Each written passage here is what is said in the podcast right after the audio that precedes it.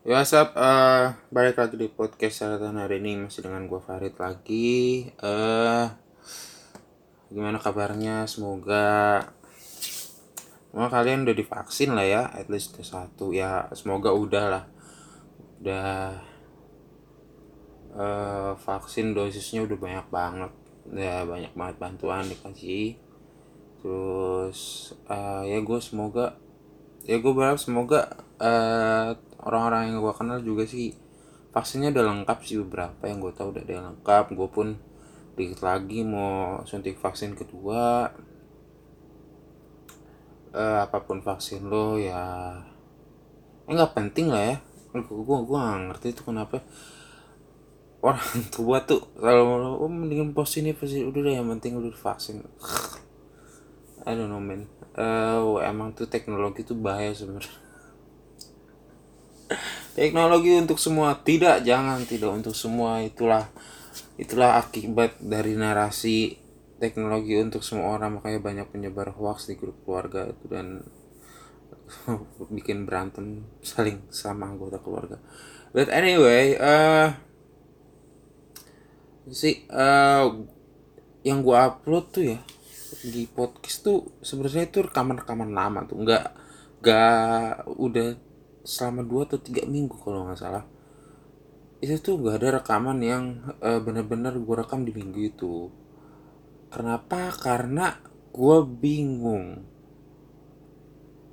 Gue nggak tahu gue nggak tahu gue nggak tahu kenapa ya.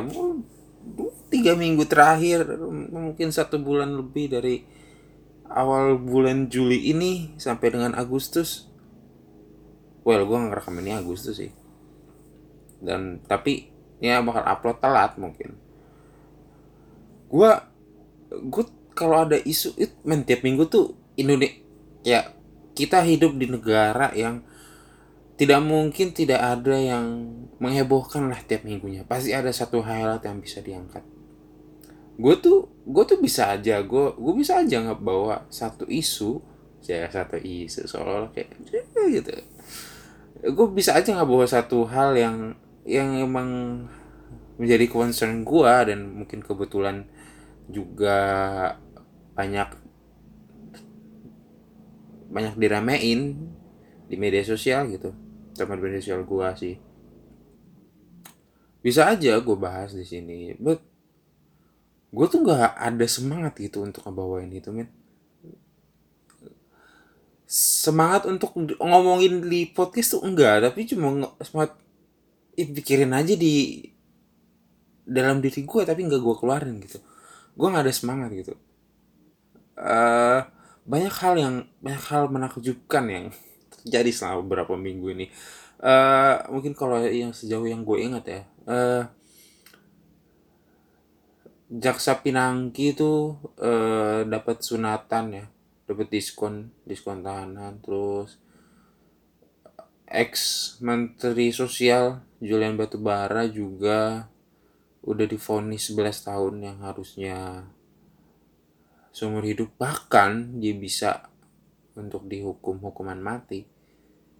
Dan katanya dari berita yang gue baca jaksanya ya jaksa atau apanya gitulah dari Julian Batubara dan Jaksa Pinangki itu tuh orang yang sama gitu. Well sih sebenarnya tidak mau kaget-kaget banget tapi tetap saja bikin kesal sih uh, dengan permainan permainan itu semua. Uh, eh, gue pe bisa aja gue bahas cuman gue lagi-lagi mah nggak tahu gue ada semangat untuk membahas itu di sini. Terus uh, eh, ppkm terakhir dilanjut yang waktu tanggal 25 Juli itu sampai tanggal 2 Agustus uh, terus pas gue ini rekam diperpanjang lagi satu minggu. Terus pemerintah nih ya eh dari Kemendikbud Ristek Dikti ya namanya panjang banget. Ngeluarin program laptop gue nggak tahu nama program pasnya. Uh, laptop 10 juta walau sebenarnya ada yang bilang penjabat yang bilang uh, laptop 10 juta itu nama yang salah nama yang tepat apa gitu yang sempat heboh tuh dari speknya. Speknya yang sangat uh itu tuh gua ngerti tuh spek. Itu tuh spek laptop. Uh. Gue yang gak ngerti-ngerti amat soal tech ya teknologi gitu. Aduh itu setahun kayaknya udah lem biru deh. Apalagi ah apalagi di zaman kayak gini ya lu mau online online aduh ah udah mah harganya ya semua ya nggak tahu dah nggak tahu dah gue mikirnya ah, orang-orang tuh udah ada aja ya ada cara dapet cara gitu. Setelah bansos mungkin uh, udah kekeruk gitu bansos udah kekeruk sekarang nyari lagi. Dari pelajar gue udah nggak gue udah nggak kaget sebenarnya yang, kayak gitu cuma tetap aja kesel. Uh, gue ngikutin olimpiade juga. Uh, olimpiade tuh bener-bener gue baru ini bener-bener ngikutin olimpiade hampir tiap gamenya mungkin. Nggak cuma game dari Indonesia yang gue tonton tapi ada beberapa cabur juga. Terutama gue ada cabur yang cabur well angkat beban tuh cukup menarik. Bukan cukup malah sangat menarik perhatian gue dari awal. Uh, dari Pak Eko uh, Windy Cantika terus Rahmat ya kalau nggak salah namanya. Terus yang hari ini main tuh Nurul Akmal uh, woman 87 kg kalau nggak salah. Uh, cuman dia finish di kelima jadi nggak nggak dapat medali. Men weightlifting ternyata seseru itu men. Gue baru gue emes gitu sama orang gila. Pak Eko Windy Rahmat oh my god wow gila gue respect banget sama orang itu gue gue gue baru gue baru itu ngerti oh ternyata seseru ini men sekeren ini men gue bisa ya gue ngerti gitu kenapa kenapa orang bisa teriak nonton itu sama kayak kenapa orang bisa teriak ketika nonton badminton, bola, tenis, segala macam tenis meja. Uh,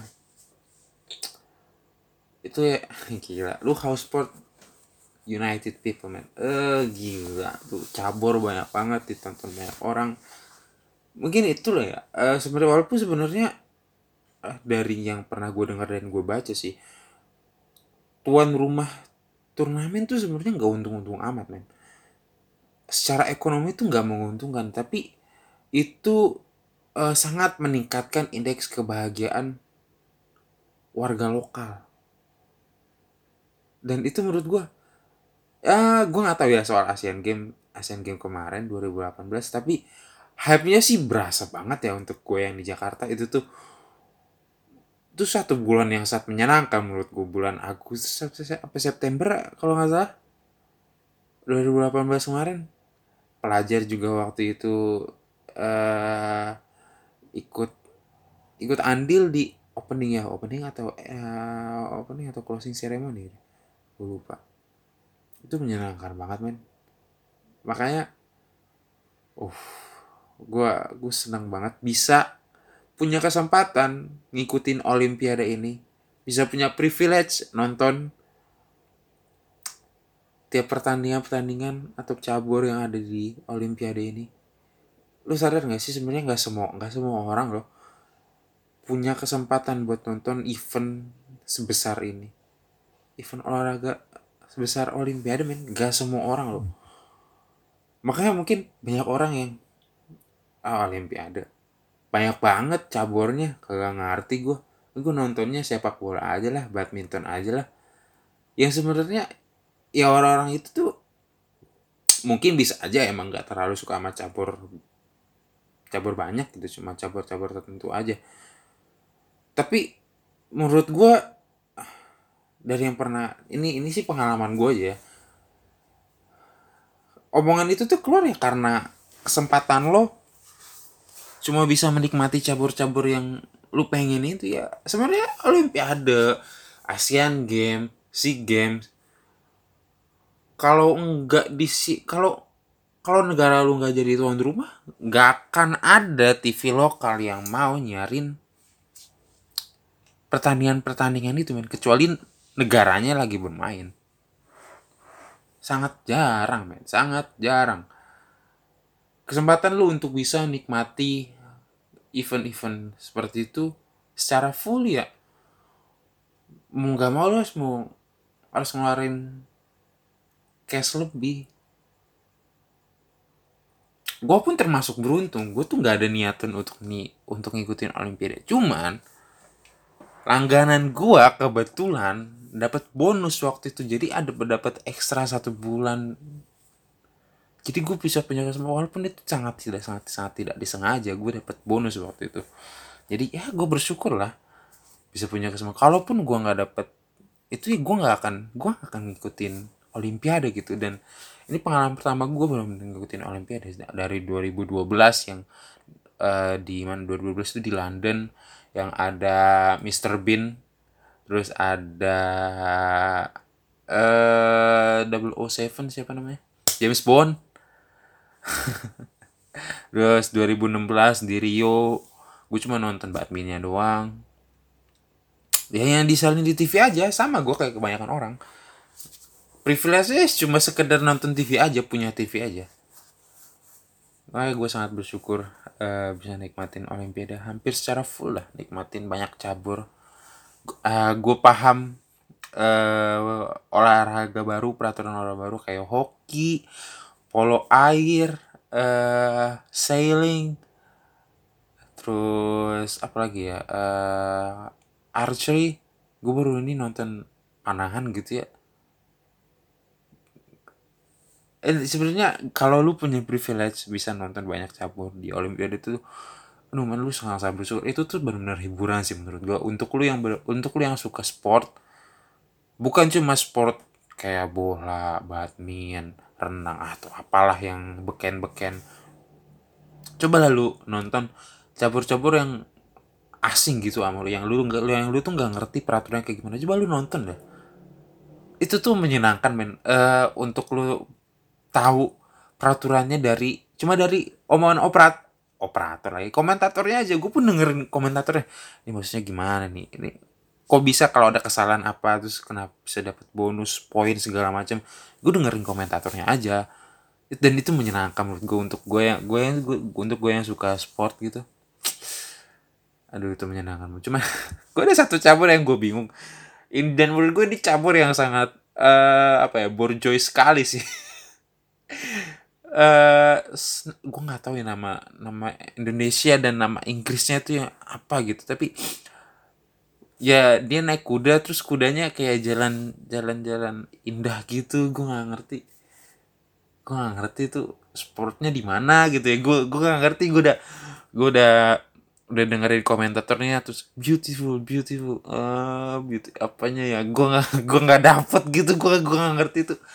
Aduh itu caber cabur yang terlalu burjois men. Gue nggak ngerti untuk orang kampung kayak gue gue nggak ngerti. Nggak relate gue nggak bisa gue dan gue penasaran ya uh, tiap negara kan uh, ngirim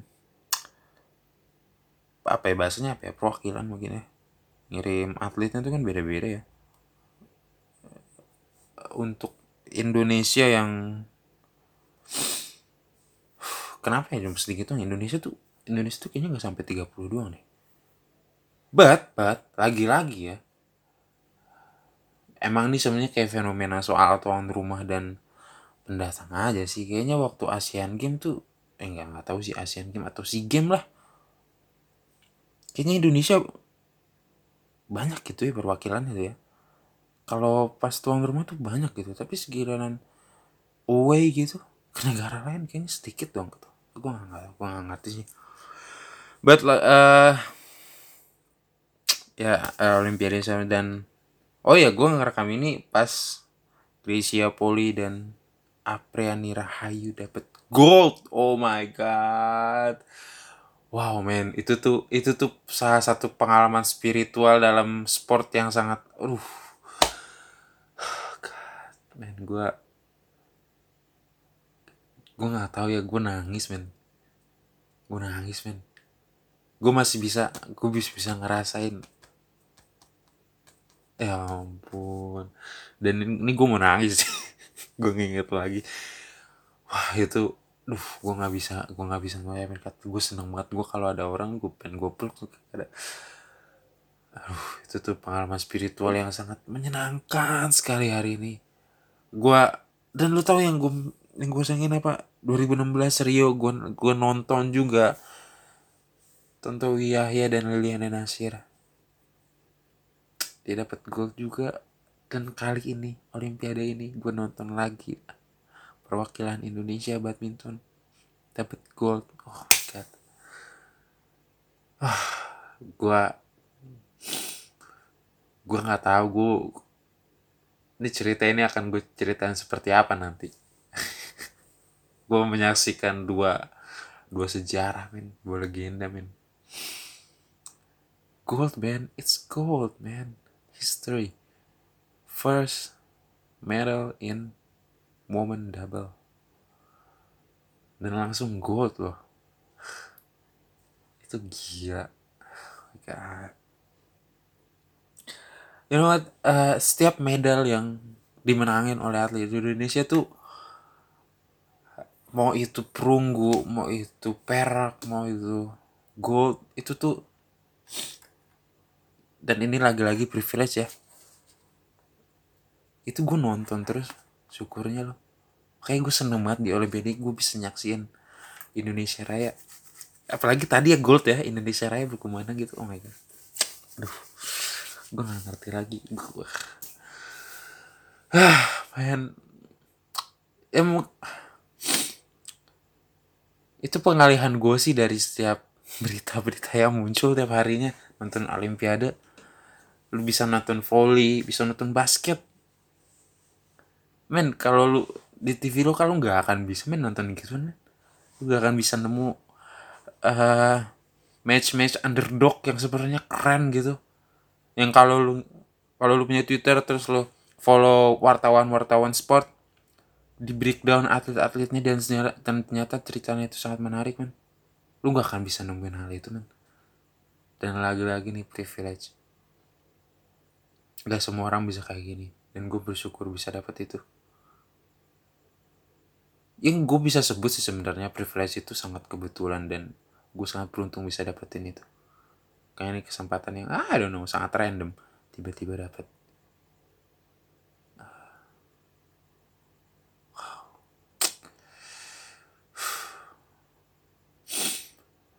Medal man. Gold medal mungkin kalau lu yang nonton ya itu tuh bahkan dari ya lu gue yakin pendukung Indonesia udah sangat udah sangat optimis dari set satu bahkan dari game satu dari game satu tuh uh dari dari mereka dapat setengah game mereka duluan uh, Grepol duluan yang dapat 11 poin. Itu tuh udah sangat lu udah mungkin ya agak-agak takut dikit lah. Di game pertama sempat dikejar waktu lu udah set point. Dari beda 6 poin sampai 3 atau 4 poin dideketin. Dan akhirnya menang. Dan menariknya set gamenya itu dari lawan semua. Dari pasangan Cina semua. Nggak ada yang tembakan dari Grepol atau Aprian Rahayu gitu ya emang mungkin pasangan Cinanya juga lagi ya lagi suwe aja sih. Bau banget men mereka. Sering banget buat error lah. Gue nggak mau nyebutin soal momen paling kerennya karena pasti banyak banget orang yang nyebut waktu Grapple ganti raket ya. Yang ya, ya emang keren lu gila. Di final lalu ngelakuin itu dan lu juara gitu. Uh, momen favorit gue adalah tiap Apriani yuk reaksi itu tuh itu tuh getarannya tuh nyampe gitu. Keren aja saya jadi ikut gemeter juga men. Gila. Gue eh merinding men. Merinding men. Gue bilang ini makanya gue bilang ini pengalaman spiritual yang sangat lu oh, berharga men. Lu sebenarnya lu akan ngalamin ini tiap event olahraga but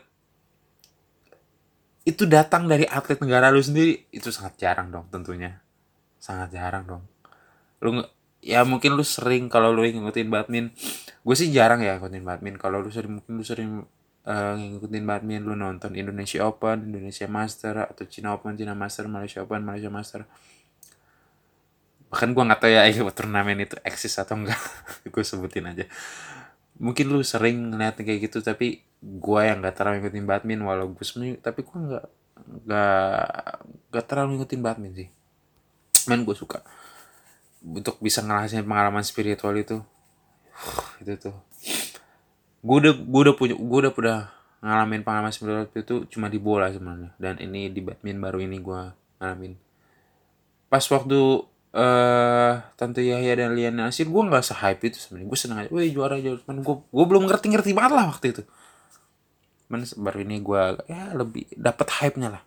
Dulu belum ngerti banget. Uh, basket gue belum dapat pengalaman spiritualnya. uh, apa ya belum ada yang benar-benar emes gitu ya kalau emes emes cuman gak membekas banget gitu kayak nggak biasa aja volley pun belum angkat beban sebenarnya yang sangat menyenangkan tuh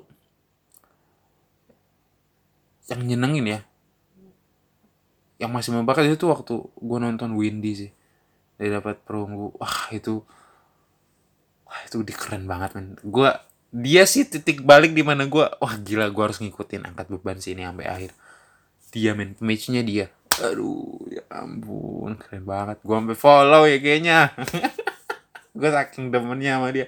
Gila lu keren banget men. Ya ampun gila gue demen sama lu men lu keren banget. Nggak nggak nggak. Lu, lu lu lu cewek paling keren di sini men. Gue gue udah gue udah gue udah ngomong itu dari awal. Dari gue dari gue ngeliat main gila lu cewek paling keren di sini men. Ya udah. Udah gitu aja kali ya. Awalnya gue bingung loh ngebahas apa akhirnya ngebahas Om Impiannya juga. Tapi ya udahlah. Thank you